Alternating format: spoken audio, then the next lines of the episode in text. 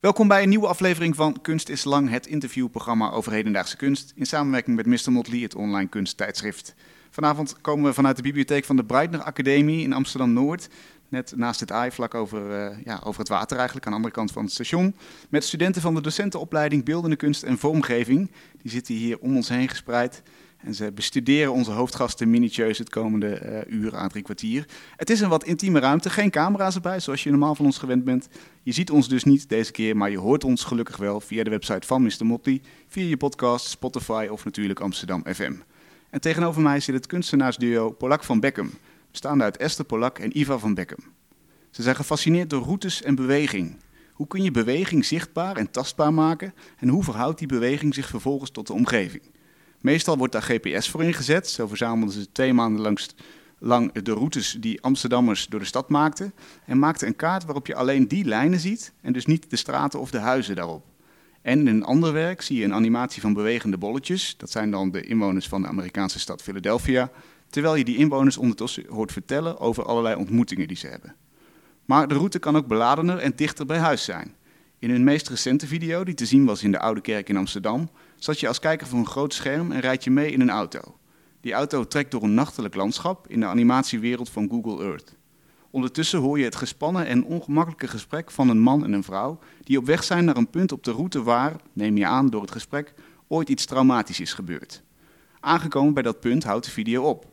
Maar het verhaal dat er aan ten grondslag ligt, dat gaat door, want buiten het werk om is bekend dat het Esther is die in de auto zit met de man die ruim 40 jaar geleden haar moeder deed verongelukken. En de plek waar ze stil gaan staan, dat is de plek waar het gezin liep en het ongeluk gebeurde. Esther en Iva, welkom. Leuk dat jullie er zijn. We komen straks op dat verhaal van het werk de rit en, en het werk zelf uiteraard. Maar ik ben eerst benieuwd, hoe kom je op een fascinatie voor routes en beweging? Lange stilte. Ja. we zitten even te kijken wie pakt hem op. Hè? Ja. Dat, uh, dat, is altijd een... Uh, bij, bij een kunstenaarsduo snap ik dat, ja. ja Dan moet je even de, de, de verhouding. aan te kijken wie pakt hem dit keer op. Uh, nou, ik denk dat uh, de. Uh, ik denk dat bij Esther eigenlijk eerder een fascinatie uh, was voor de routes en de bewegingen. Voor mij heeft het, is, dat, heeft het, is er een iets andere weg gegaan. Ehm, ik ben eigenlijk heel erg nieuwsgierig naar vooral de. Je beweegt door het landschap. Hm? En we zien iets of we ervaren iets. En uh, wij hebben gemerkt dat uh, die ervaring heel anders is als je door dat landschap beweegt. Uh, dus die is heel particulier, die ligt heel erg bij het individu. Ja. Um, en dat vind ik totaal fascinerend. Dat je dus de hele tijd hetzelfde kan doen voor je gevoel. Hè. Dat is ook waarom je waarschijnlijk een soort verbinding voelt. En als je erover gaat vertellen, over je ervaring in het landschap, dan blijk je eigenlijk totaal iets anders gedaan te hebben. Ja. Dat vind ik echt wel heel erg fascinerend. En is dat een positief gevoel of zeg je daarmee van eigenlijk eh, zijn we gewoon een soort van vreemden van elkaar? Ja, dat is een goede vraag. Ja, heel veel mensen die vinden, dat is heel individualistisch klinkt dat, maar ik vind dat heel positief, ja. Ik ben daar, uh, ja, daar ben ik blij mee. Ik vind het ook totaal fascinerend om van andere mensen te horen. Nou, eigenlijk ook zoals jij nu iets vertelt over de rit. Hoe andere mensen ons werk hebben ervaren. Ja hoe, hoe ze eigenlijk met ons werk hebben meegelopen. En ondertussen een hele uh, een ervaring hebben gehad die ik nog niet heb gehad. Ja, dat laat alleen maar de rijkheid zien van, van al die verschillende perspectieven, ja. wat jou betreft. Ja. En Esther, voor jou, waar komt die fascinatie vandaan, beweging? Ja, die, uh, dat heb ik eigenlijk een beetje achteruit redenerend moeten ontdekken. Want uh, toen we in 2002 dat werk in Amsterdam maakten, waar jij al aan refereerde, toen Um, toen was ik gewoon heel erg gefascineerd door dat idee dat als mensen door de stad lopen, dat ze eigenlijk automatisch altijd de kaart opnieuw lopen. Dat was een soort. Een soort de, je bent gedwongen om door de straten te lopen. En, en als je die routes dus zou kunnen zien, dan zou dat gewoon weer een soort kaart moeten worden. Zoals die kaart zoals we die kennen. Maar je realiseert je helemaal niet dat als je door de stad fietst, dat je eigenlijk altijd gedwongen bent in die, in die routes, die eigenlijk als een soort kanalen daar zo klaar liggen. Ja. En, um, en dat vond ik ontzettend fascinerend om, om mee aan de slag te gaan. En um, pas achteraf eh, realiseer ik me dat dat een soort hele, hele fundamentele fascinatie is voor ruimte en hoe ruimtes ontstaan vanuit die bewegingen. En, um, ja, hoe ruimtes ontstaan vanuit de beweging? Hm? Hoe ja, hoe, hoe, eigenlijk je. je mm, het lijkt net alsof de stad bijvoorbeeld bestaat. Hm? Dat lijkt zo. En, dat lijkt zo. Ik, zou, ik zou zeggen dat het zo is. ja, ja ik dacht ook heel lang dat het zo was. Oh, okay, Maar op een gegeven moment realiseerde ik me uh, dat um, die stad eigenlijk iedere keer opnieuw bestaat doordat er iets doorheen beweegt. En dat het ook dan iedere keer een andere stad eigenlijk is die daardoor ontstaat. Mm -hmm. Maar dat heb ik eigenlijk heel langzaam leren ontdekken doordat we al ja, vanaf 2002 hiermee bezig zijn. Dus soms is kunst maken ook een manier om eigenlijk iets wat je op een bepaalde manier heel fascinerend vindt, maar je snapt nog niet helemaal waarom. Hmm. Ehm, en, maar juist door, door werk te gaan maken, kun je dan achteraf pas gaan zien wat het eigenlijk uh, was. Wat je aan het onderzoeken was. Ja.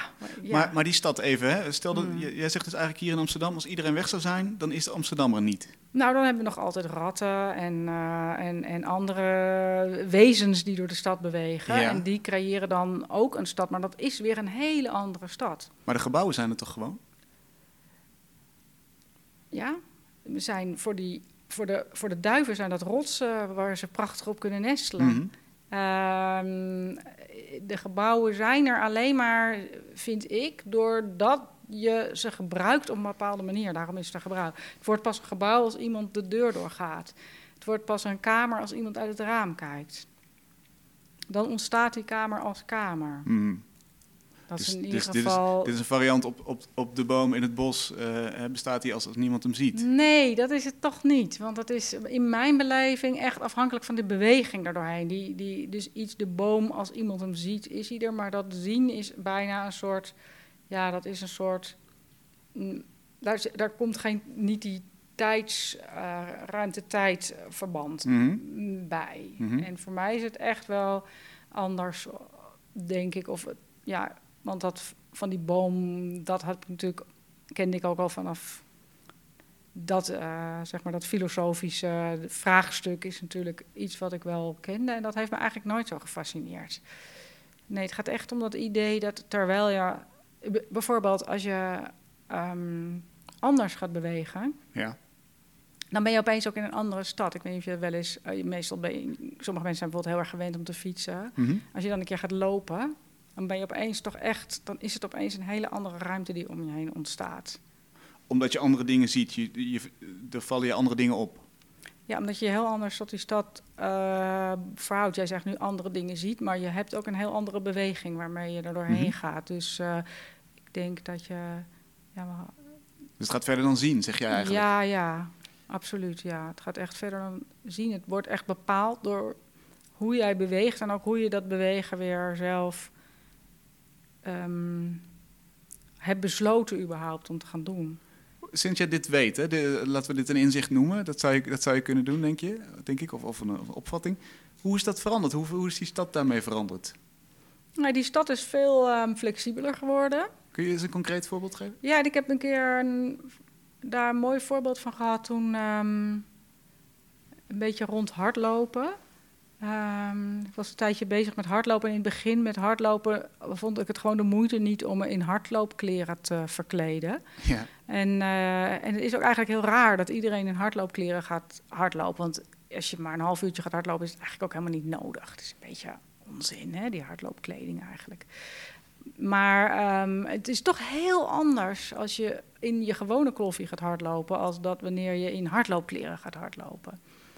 En, um, want als je in gewone kleren gaat hardlopen, dan ben je bijvoorbeeld de tram aan het halen of je hebt haast. Hmm. Terwijl als je aan, in hardloopkleren aan het hardlopen bent, dan ben je aan het hardlopen voor de sport. Ja. En, um, en dat doet iets met je lichaam, met je, met ja, je geest, dan, dan je ben je in een andere, andere ruimte. En ik denk dat als je dat uh, echt probeert je voor te stellen, dat dat wel... Um, ja, ik heb daar zelf een beetje zo'n soort trainingen voor mezelf of zo. Van dan denk ik, door bijvoorbeeld expres in, dan toen ik dat eenmaal ontdekt heb, dan is het leuk om expres van die rare, net niet afwijkende vormen te zoeken. En dan. Um, Waarin bijvoorbeeld? Nou, bijvoorbeeld door in gewone kleren te gaan hardlopen. Ah, maar ik ging op een gegeven moment bijvoorbeeld ook met mm, naar het zwembad hardlopen. Normaal ging ik altijd naar het zwembad fietsen. Mhm. Dus dan was ik een fietser. En dan op het moment dat ik bij het zwembad kwam, zette ik mijn fiets op slot en dan werd ik een zwemmer. Maar als je gaat hardlopen naar het zwembad, uh, dat kwam omdat ik had een bepaald rugzakje, zo'n hardlopen rugzakje waar je spullen in kan doen. Dacht ik, hé, hey, maar daar kan ook mijn zwemspullen in. En toen was opeens, was eigenlijk vanaf, deed ik de deur achter me dicht en vanaf dat moment was eigenlijk de hele stad tot aan het zwembad een soort strand geworden waar ik nog overheen moest rennen om bij de zee te komen. En het was echt totaal, um, ja, de stad werd gewoon echt een route naar het zwemmen. En dat was dus een soort strand, want dat is, hè, of een, als je wat verder moet, of ja. Dus dat was al een hele rare ervaring. En het meest uh, opmerkelijk was dat op de terugweg kwam ik, um, toen, want ik ging naar het Zuiderbad en toen ging ik naar huis en toen kwam ik over het museumplein en daar kwam ik mijn zus tegen. Mm. En op ik, het strand? Ja, nou, het was gewoon. ja, het was, ja. dat zeg je heel goed. Het werd gewoon een clash van locaties. Want ik snapte van, ja, ik zat gewoon in mijn strandtrip. En, uh, en zij kwam natuurlijk in. Zij liep in Amsterdam. En dat was echt een conflict van twee ruimtes. En dat was me nooit opgevallen als ik haar niet toevallig tegen was gekomen. Ja, maar blijkbaar ben je. Oh, sorry. Ja, nou, ik, het zit me. Uh, te bedenken dat je het misschien uh, nog beter of beter voor kunt stellen als je jezelf de vrijheid gunt om die stad te voelen zoals die is. En niet afhankelijk te zijn van hoe andere mensen die stad zien, bijvoorbeeld. Um, en wij doen vaak, eigenlijk aan het begin van lezingen, een uh, soort gedachteoefening. En dan vragen we aan iedereen of hij zijn ogen dicht doet. En dan binnen een minuut probeert te bedenken hoe die van waar die vandaan is gekomen tot die plek van de lezing, zich door de stad heeft bewogen. Mhm. Per fiets of lopend of uh, hoe, hoe, die dan ook is gekomen.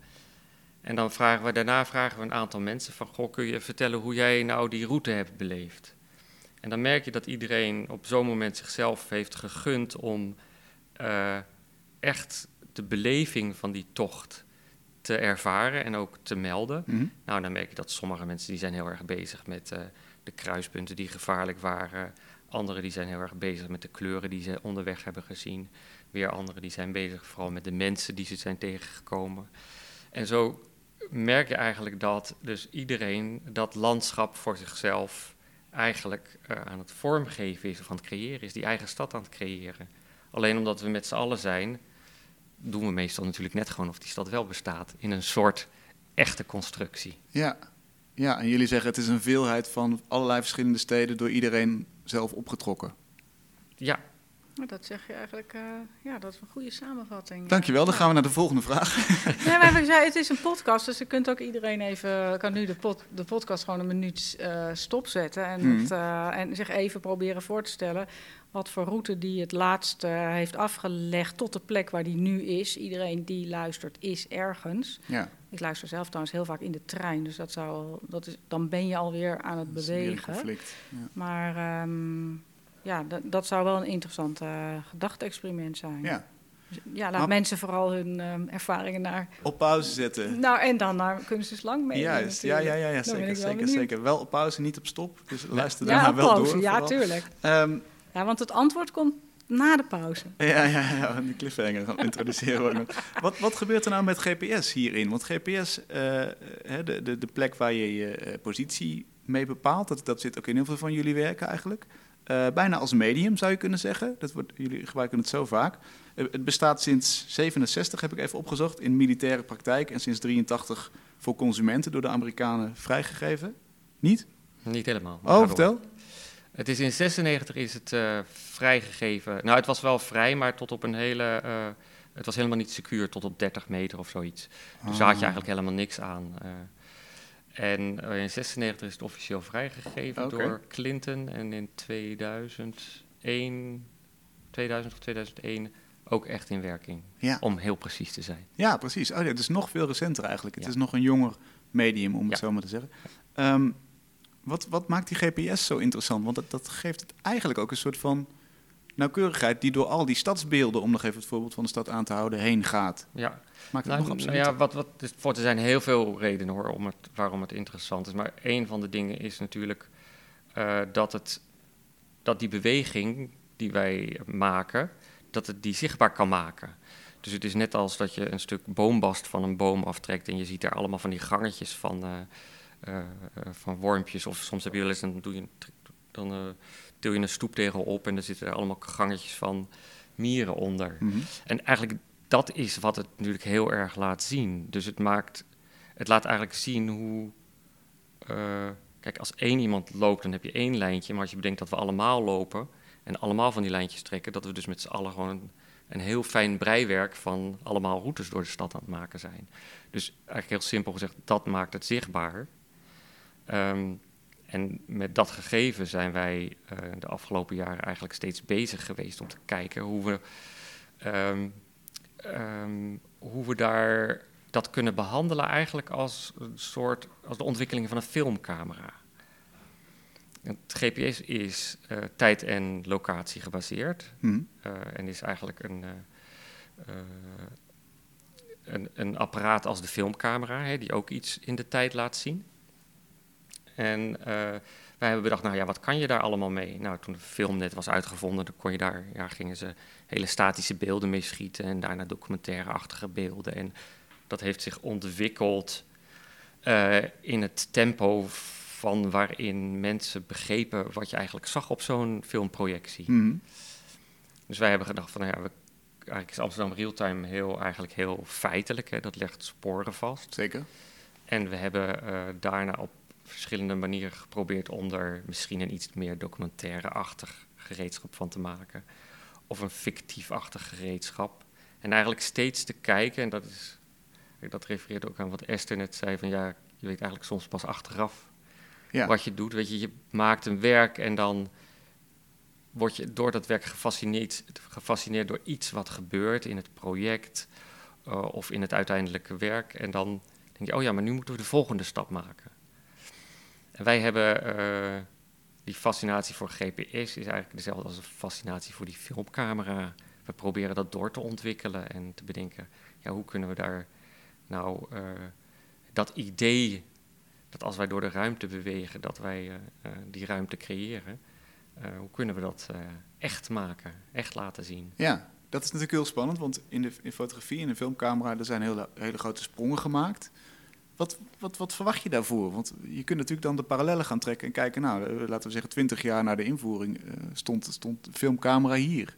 Werd het zo gebruikt? Kijken jullie zo, zo letterlijk? Nou, soms wel hoor. Ik bedoel, kijk, als je... En wat komt er dan uit als je dat doet? Um, daar komt bijvoorbeeld uit uh, dat, je, uh, dat je erin mag knippen om er, een, om er fictie van te maken.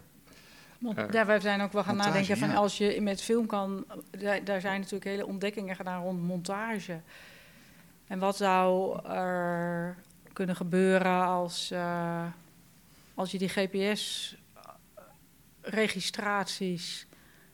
Kun je daar iets montageachtigs mee doen. En hoe krijgt het dan en waarom is montage eigenlijk interessant? En wat voor gelaagdheid krijg je daarmee? En Heb wat je daar is dan, een voorbeeldje van bij GPS? wat is dan analoog aan, aan wat je met GPS kan doen? Ja.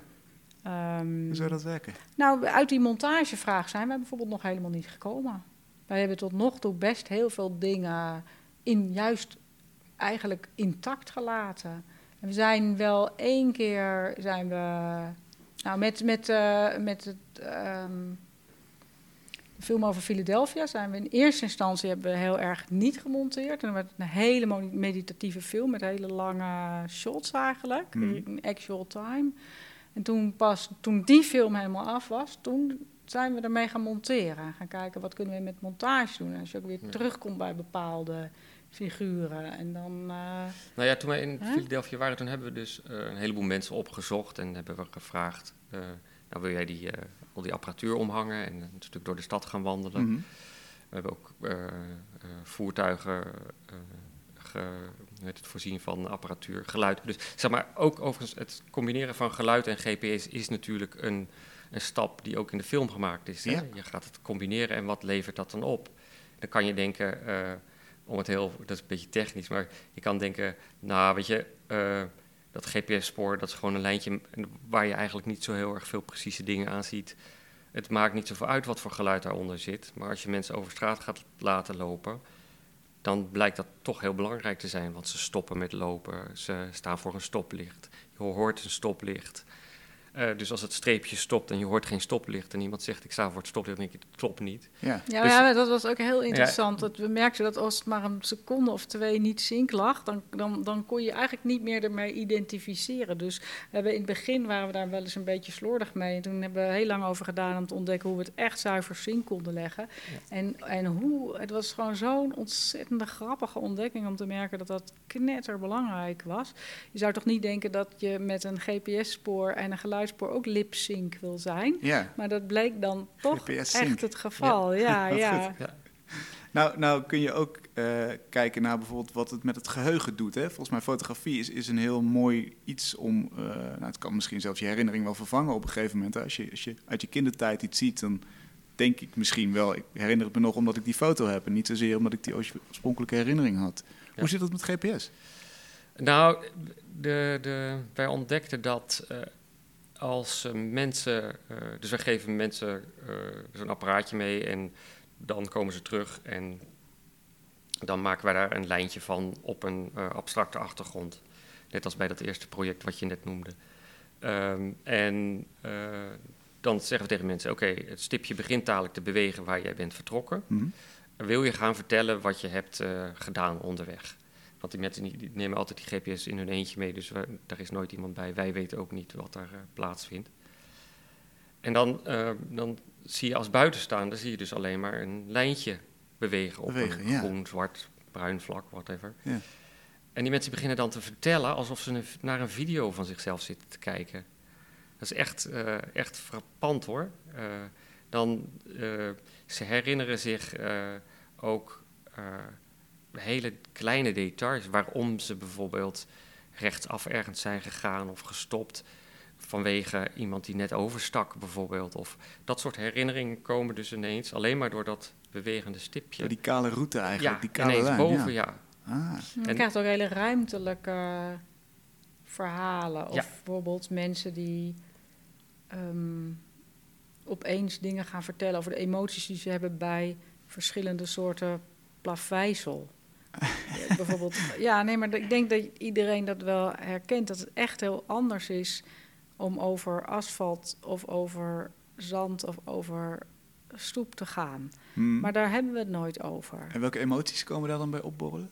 Ja, nou, um, ik herinner me nog een jongen die heel bevlogen was over dat hij niet geïnteresseerd was in de snelste route, uh, zeg maar cartografisch. Maar voor hem was de snelste route het meeste asfalt. Of de fijnste route. Of dat was gewoon zijn, oh, ja. zijn ultieme route. hij had gewoon, het asfalt was voor hem een magneet. Want hij had gewoon een hekel aan over, over stenen te fietsen. En. Um, nou ja, zo'n soort um, lichamelijke relatie tot details in de ruimte. Ik denk dat we die allemaal hebben, maar er, als je iets niet kan vastleggen, wordt er minder over gesproken. Dat is een beetje wat ik. Uh, je, je, je kan pas iets zien, soms ook als je er een woord voor hebt. Mm Als je er een woord voor hebt, dan opeens dan zie je het overal. Dat, dat is iets wat. En, maar als je ergens een beeld voor hebt, dan krijgt het ook een nieuwe, wordt het ook een nieuw ervaringsobject. En wat ook heel interessant is aan die GPS eigenlijk, dat het een, toen wij er pas mee begonnen, het is een soort visualisatie um, die een eigen esthetiek ook heeft, een schoonheid. Maar die esthetiek die heeft amper kunsthistorische geschiedenis. En um, dat is ook een heel um, interessant beeldend gegeven eigenlijk. Dat je een, een, een historieloze afbeelding hebt. In ieder geval een kunsthistorielo kunsthistorieloze. Dat is natuurlijk nu langzaam wel, of langzaam is heel snel gegaan. Dat er wel meer mee gebeurt en dat het ook veel vertrouwder wordt. En dat merk je ook heel erg. Um, en dat wij dus ook nu de ruimte krijgen om ook onszelf geven om af en toe die hele. We zitten nu een hele tijd over die technologie te spreken, maar het is eigenlijk ook gewoon een aanleiding voor ons geweest om die fascinatie serieus te mogen nemen. Bijna van het, door het bestaan van de technologie. En, ah, ja. met terugwerkende kracht kun je dus in de kunstgeschiedenis wel allerlei kunstenaars zien die al met die routes bezig zijn geweest en met die fascinaties bezig zijn geweest. En het krijgt wel weer ook dan een nieuwe relevantie, juist omdat je daar nu, omdat wij daar nu, voor ons dan althans, omdat wij daar op zo'n andere manier ook al mee bezig kunnen zijn. Op, op welke manier is het nog heel spannend voor jullie? Wat, wat is, wat is een, een, een, veld wat nog helemaal open ligt als het gaat om GPS of een, of een, een lading of een, manier om naar te kijken? Waar zit de grootste vraag? nou, ik denk eigenlijk wel juist in het, um, in het uh, loslaten van de fascinatie voor de technologie op zich en het, en het uh, je openstellen voor het poëtische. Ik denk dat dat wel de, het grootste openliggende terrein nu is voor ons. Ja, ja ik denk dat uh, het is een manier geweest om, of het is nog steeds een manier natuurlijk, want het blijft het toch een heel erg weinig geëxploiteerde technologie op, op dit gebied. Maar het is een manier om, om je als individu heel erg bewust te zijn van hoe je eigenlijk uh, wat voor sporen je trekt door de mhm. stad, op je vakantie, naar school. Um, en ik denk dat dat, uh, dat eigenlijk dat heel erg exploiteren van dat idee, dat wij bewegende wezens zijn en eigenlijk alsmaar van alles achter ons laten en produceren. Weet je, we laten iets achter ons, we produceren iets aan de voorkant. Dat kan je eigenlijk door het feit dat GPS bestaat, misschien wel veel beter voorstellen. Ja, dat is nu erkend eigenlijk. Er is een taal voor, een visuele taal, namelijk dat lijntje wat je trekt. Nou ja, je kon natuurlijk, er was natuurlijk altijd de visuele taal van de kaarten. Maar die waren natuurlijk uh, ten eerste altijd super top-down. Mm. En die, die hebben juist heel erg dat idee van die uh, um, a priori bestaande structuren ja. versterkt, juist. Om je op te identificeren. Ja, maar die kaart die was er. En dan ging je bijvoorbeeld naar dat gebied. En dan lag die kaart er als een soort werkelijkheid onder het gebied. En dat heeft natuurlijk ook gemaakt dat jij zo uh, blunt zegt: ja, maar die gebouwen staan er toch gewoon. Ja. Maar dan ben, dan ben je, zonder dat je het merkt, ben je eigenlijk gevormd door die, door die kaarttraditie. Ja. En, uh, maar Esther, als ik je mag onderbreken, als ik nu met een blinddoek Amsterdam inloop, dan, dan bots ik echt wel met mijn hoofd tegen het Paleis op de Dam aan, toch? Ook al zie ik het niet en ook al ervaar ik het niet. Dus, dus, dus dat, dat fysieke ding is er toch wel. Ja, als een, en dan, is het, dan is het een botsing, hè? Dan is het geen gebouw. Dan is het een, uh, maar dan is het een met botsing. een gebouw, toch? Mm, ja, dat weet ik niet. Maar misschien als je, maar als je toevallig net tegen die deur botst die toevallig open staat, dan loop je erin. Ja, dan bots je niet. Ja. En dan, en dan ben je in het gebouw en dan klinkt het opeens allemaal anders. Ja, ik denk dat dat wel. Ik, ik denk dat je daar echt wel uh, een bres in kan slaan hoor. Ja. ja. Interessant. Dat, ja, daar zou ik nog wel meer over, over willen. Maar dat, hoe, hoe onderzoek je dat nou? Hoe, kun je dat nou voor iedereen. Want dat is dan jouw interpretatie. Uh, hoe kun je dat algemeen geldend krijgen? Nou ja, dat, is, dat, dat kan dus niet. Nee. Dat gaat, nou, jawel, natuurlijk wel. Ja, ja, doe eens. ja, daar zijn we heel druk mee bezig. Daar zijn jullie nu druk mee bezig. Nou, ja, nee, dat gaan we wel, nou, dat gaat wel lukken. nou ja, in die zin zou ik zeggen, je kan het algemeen geldend krijgen, dat die algemeen geldendheid er niet is misschien. Maar, ja, ja, ja, precies. Uh, dus wij hebben wel, denk ik, we hebben vorig jaar, er was, er is een film van ons uitgekomen. Uh, en uh, die speelde in de Bijlmer. En wij hebben daar mensen eigenlijk dat was een manier om iets dergelijks uit te zoeken. Die mensen die hebben we uh, allemaal dezelfde route laten lopen. Okay. En uh, die hebben uh, een aantal vragen meegekregen, of eigenlijk meer een aantal soort opmerkingen waar ze op konden reageren. Ze hebben al in hun eentje gelopen, we hebben hun stem en GPS opgenomen en omgevingsgeluid. Om hun eigenlijk diezelfde route te laten lopen, maar te, te, te kijken of, of die ervaring die zij hadden, dan anders zou zijn. Zodat je eigenlijk als kijker kan zien van hé, hey, ze lopen allemaal diezelfde route, mhm. maar toch beleven ze iets totaal anders. Ja, dat hebben we heel radicaal door, door elkaar gesneden. En, ehm, dus je moet wel echt heel erg goed luisteren als je dat er exact uitwalen. Maar wat je merkt aan die stemmen, is dat die, uh, en de dingen die ze zeggen, is dat ze op allerlei hele andere dingen letten. Alles in hun omgeving heeft een andere betekenis.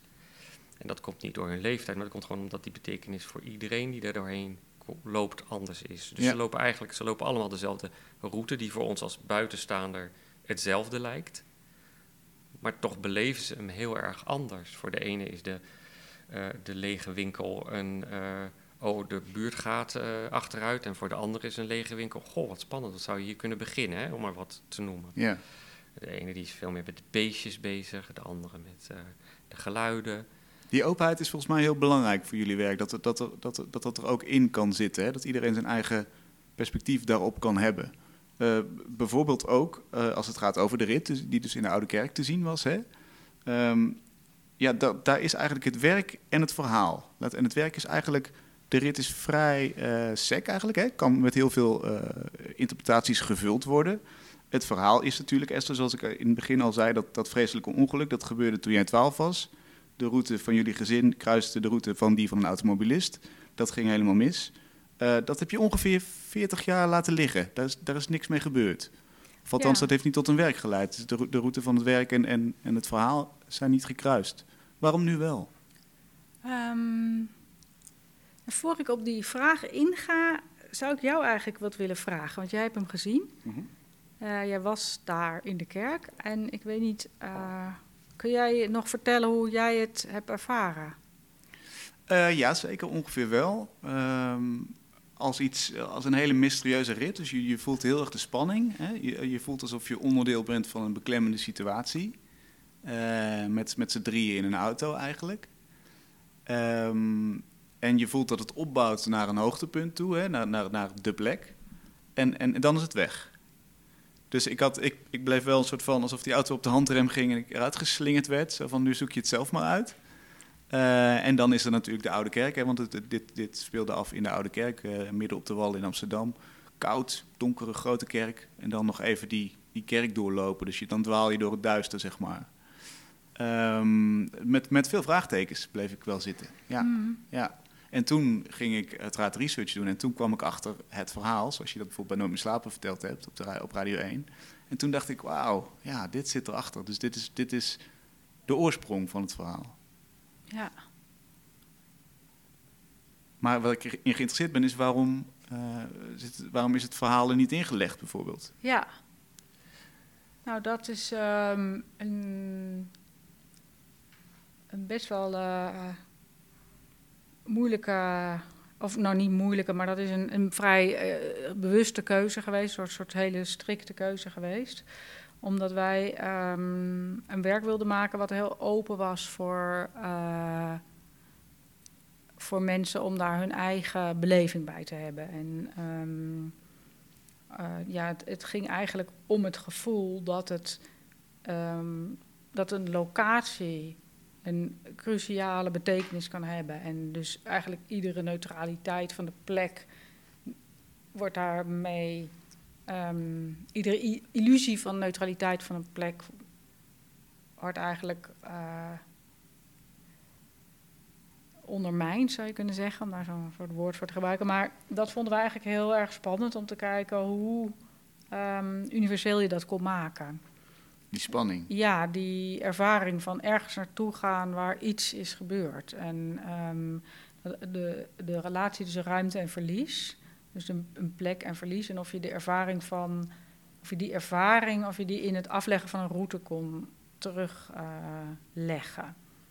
Uh, en je merkt ook wel tijdens de rit, dat wordt ook door de mensen met wie je meerijdt, zoals jij het zo mooi zegt, uh, uitgesproken. Dat het gaat om iets wat al best heel lang geleden is gebeurd. Mm.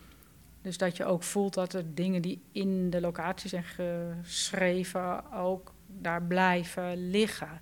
En dat was inderdaad ook uh, een, aan de hand dat het zo lang was blijven liggen. Dat het zo lang heeft geduurd voordat ik daar iets mee deed, dat heeft heel erg met allerlei meer persoonlijke psychologische dingen, denk ik, te maken. Mm. Um,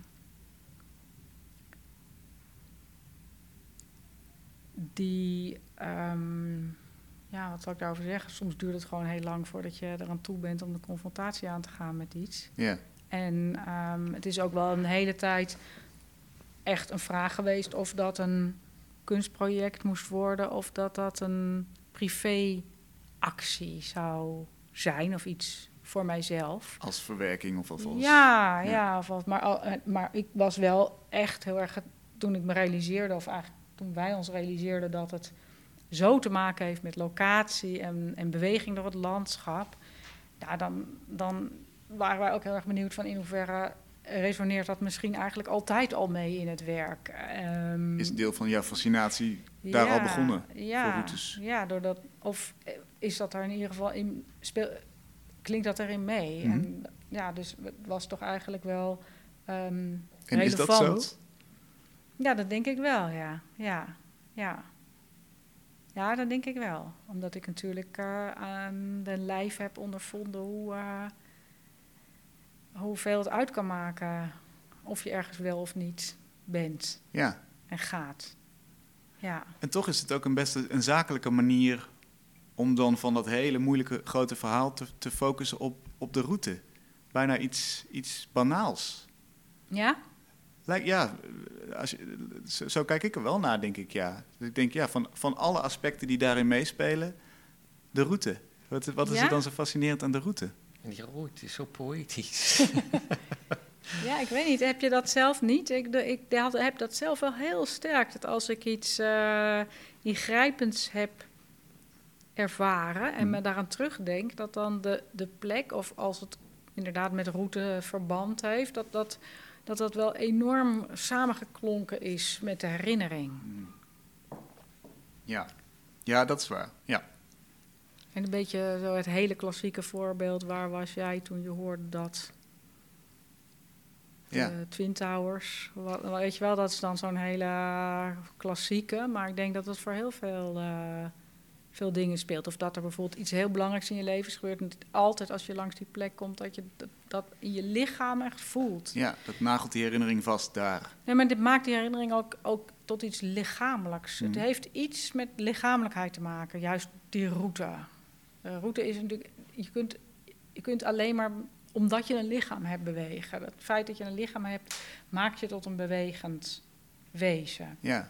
En um, ja, dat. Uh, ik, ik, denk ook dat het. Uh, dat het uh, het is natuurlijk ook een poging geweest om, als je naar het, het werk kijkt, om eigenlijk door die route ook opnieuw eigenlijk een andere wereld te creëren. Hè? Dus het, dat idee, weer terug te gaan van je beweegt door de wereld en daarmee creëer je je eigen omgeving of je stad of je landschap, is dit natuurlijk een ultieme poging zo zou je het kunnen zien, om door die route nog een keer te rijden, die hele omgeving, dus ook die gebeurtenis, een andere uh, status, lading, vorm, lading te geven. Ja, ja. Het is natuurlijk ook in die zin een hele persoonlijke testcase of dat zo werkt. Zo zou je het zelfs ook kunnen zien. Ja. En werkt die artistieke theorie nou wel voor ons? En, uh, Esther? Ja, en het was ook heel erg belangrijk voor mij om een manier te vinden waarop ik uh, naar die plek terug kon gaan. Um, zodat het, uh, ja, hoe moet je dat zeggen, een soort onvoorwaardelijke manier. En door dus een manier te vinden om dat met om, de, om, om te proberen dat met de veroorzaker van het ongeluk aan, om, om aan die persoon te vragen om eigenlijk zijn route te willen afleggen. Mhm. Dus eigenlijk dus in zijn positie te gaan zijn en ook met hem mee te rijden. En hij was de chauffeur en hij nam mij mee op zijn route. Ja. Um, dat was eigenlijk een vorm van ruimtelijke empathie het woord wat ik nu ter plekke verzin. Ik vind hem heel mooi, je moet hem misschien even toelichten. nou, um, ik had echt besloten om mij ook in. Om, om de rouw over die gebeurtenis te delen.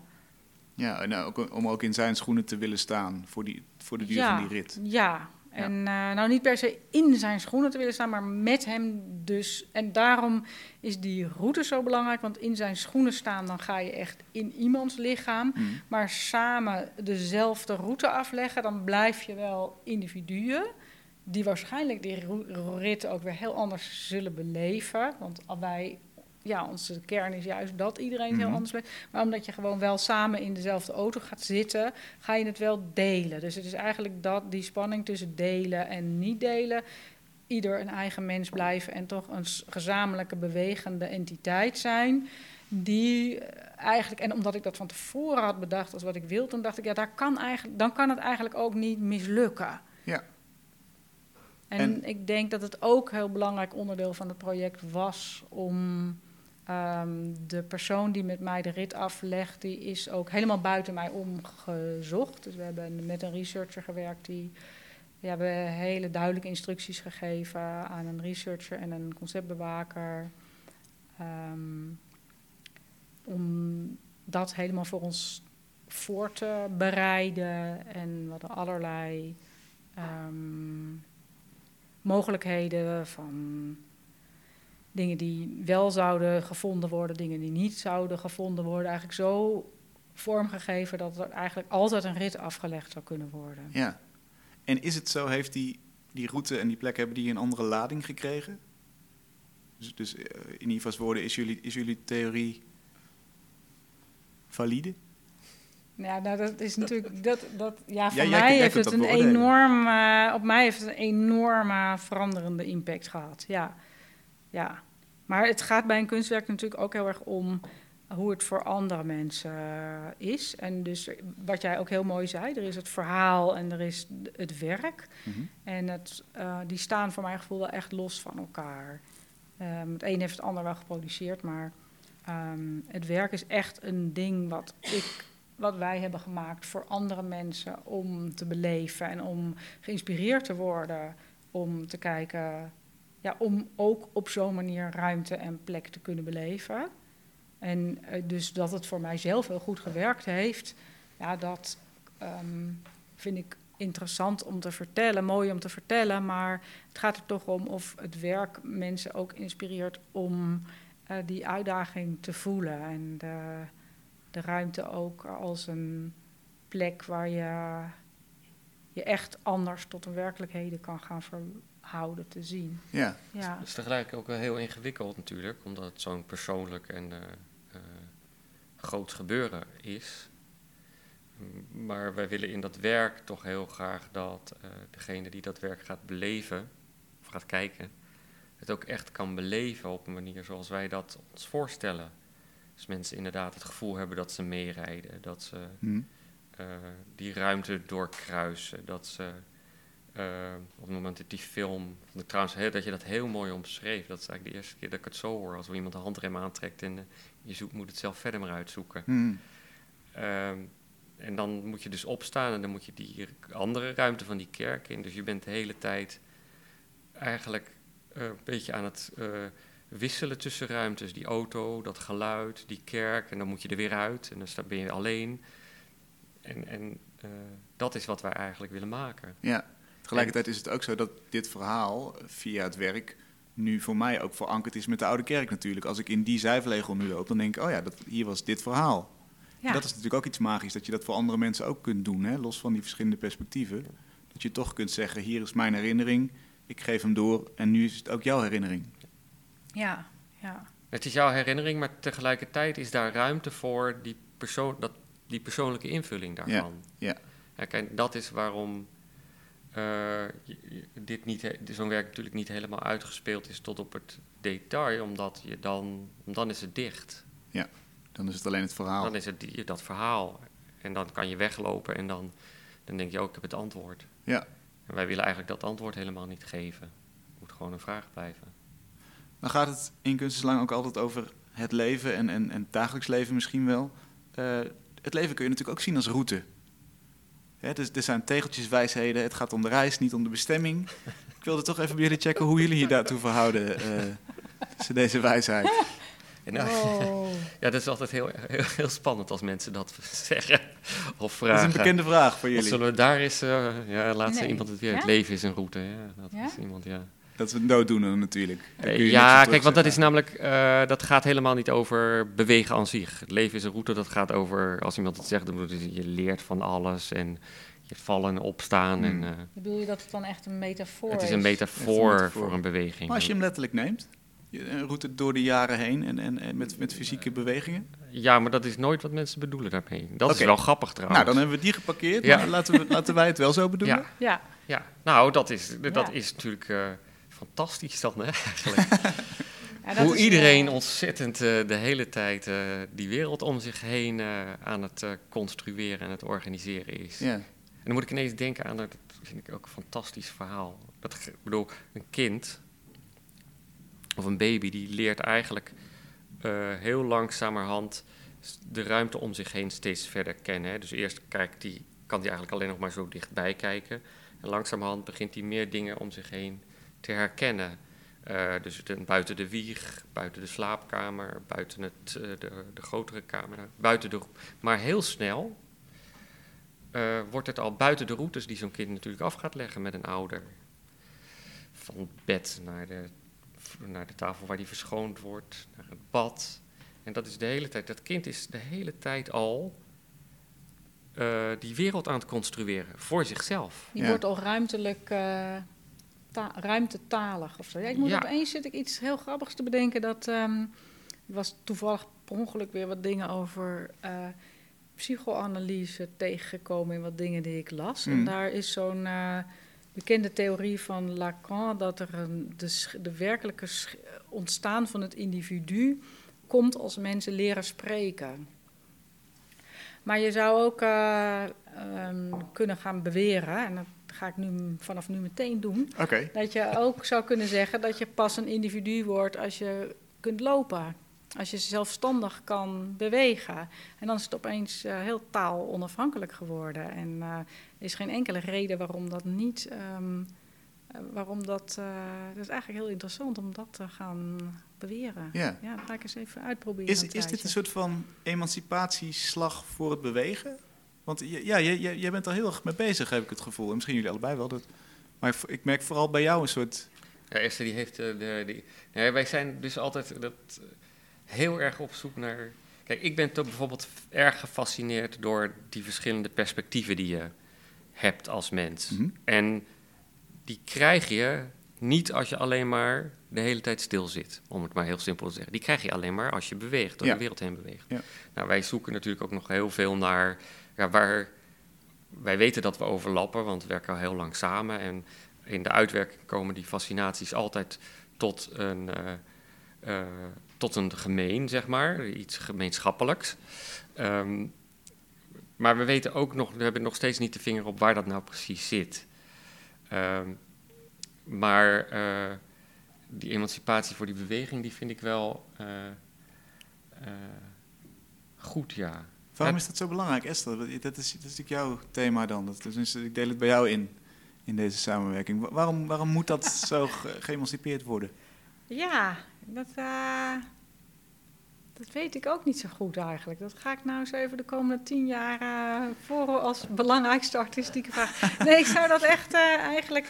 Ik voel dat gewoon heel sterk, dat dat een hele belangrijke is...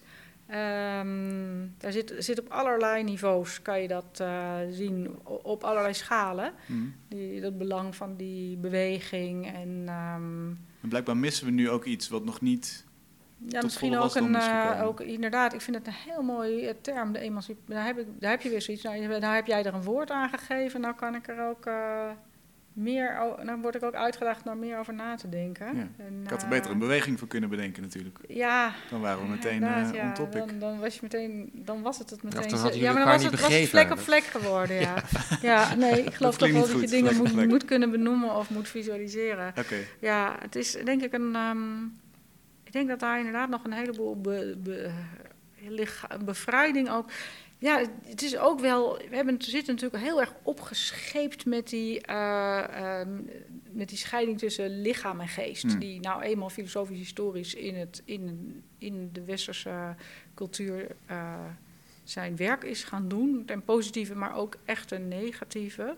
En um, ja, misschien zit daar iets. Uh, ik heb een heel sterk gevoel van solidariteit met beweging, denk ik, ja. Um, Kom nog een keer terug als je het, ja. uh, als je het weet. Ja, toch? Ja, ja en als je meer, meer kennis top. hebt. Maar ook daar uh, denk ik dat het ook heel fijn is aan onze manier van werken. Dat we vaak de ervaringen delen met mensen. En daar leren wij dan ook weer van waarom die beweging en ook een emancipatoire kant misschien heeft. Ja. ja en het is, een hele, het is gewoon een hele belangrijke manier of een goede nieuwe manier om een soort denkruimte te, te creëren. Laten we nou eens naar de wereld kijken door die beweging. Ja. Gewoon die stap maken. Hoe, zie je daar, hoe kijk je daar tegenaan? En dat is een hele grote, uitdagende manier om er naar te kijken. Bedoel, iedereen heeft het natuurlijk over, ja, er zijn heel veel perspectieven. Iedereen heeft zijn eigen visie op, uh, op van alles en nog wat. Um, daar is al heel veel over gezegd. Maar als je nu die beweging als uitgangspunt neemt en met z'n allen gaat denken vanuit de beweging, dan heb je hele nieuwe invalshoeken ineens. Ja, nou ja, bijvoorbeeld, uh, nou, in het voorgesprek viel het woord uh, feminisme. En uh, als je vanuit beweging over ehm, gender gaat nadenken, dan liggen er ook een heel andere uh, vrijheid van bewegen. Hè? Dus er zijn van die, met die MeToo-beweging ook fa fascinerende video's gemaakt door mensen die laten zien hoe dat gaat als je met catcalling gaat registreren. En wat een eye-opener het is voor mannen om te zien hoe dat voor vrouwen is. Hmm.